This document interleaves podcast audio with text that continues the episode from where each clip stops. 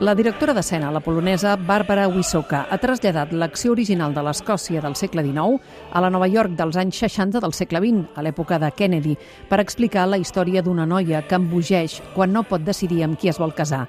Diu que és la manera de portar a l'actualitat la lluita entre el poder i la llibertat. For me, Lucia is a very strong woman. Per mi, la Lucia és una dona molt forta que ha de lluitar per la seva llibertat en aquesta societat i l'única manera en què ho pot fer és a través del camí de la mort.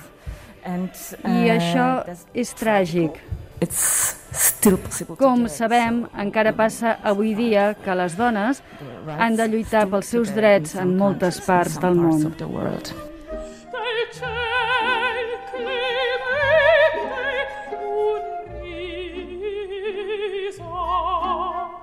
La soprano nord-americana Nadine Sierra, de 33 anys, debuta al Liceu en el paper de Lucia. Assegura que és un dels seus rols preferits, que interpretarà en una de les ciutats que més li agraden, Barcelona.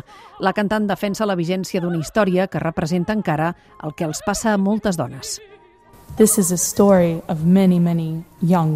Aquesta és la història de moltes dones joves, no només a la Lucia, en una òpera i en una representació.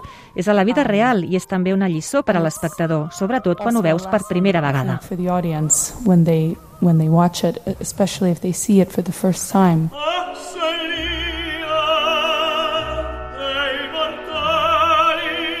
L'aclamat tenor mexicà Javier Camarena, en el paper d'Edgardo, defensa el paper de l'òpera com a element de reflexió més enllà de ser un gran espectacle d'entreteniment.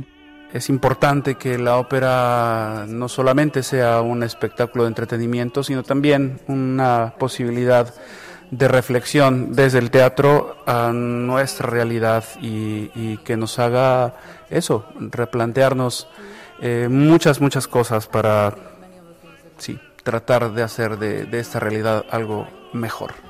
El Liceu habilita una funció per als menors de 35 anys el 27 de juliol a les 7 de la tarda amb un repartiment format íntegrament per joves cantants que debuten en els seus rols, Serena Sainz, César Cortés i Carles Pachón.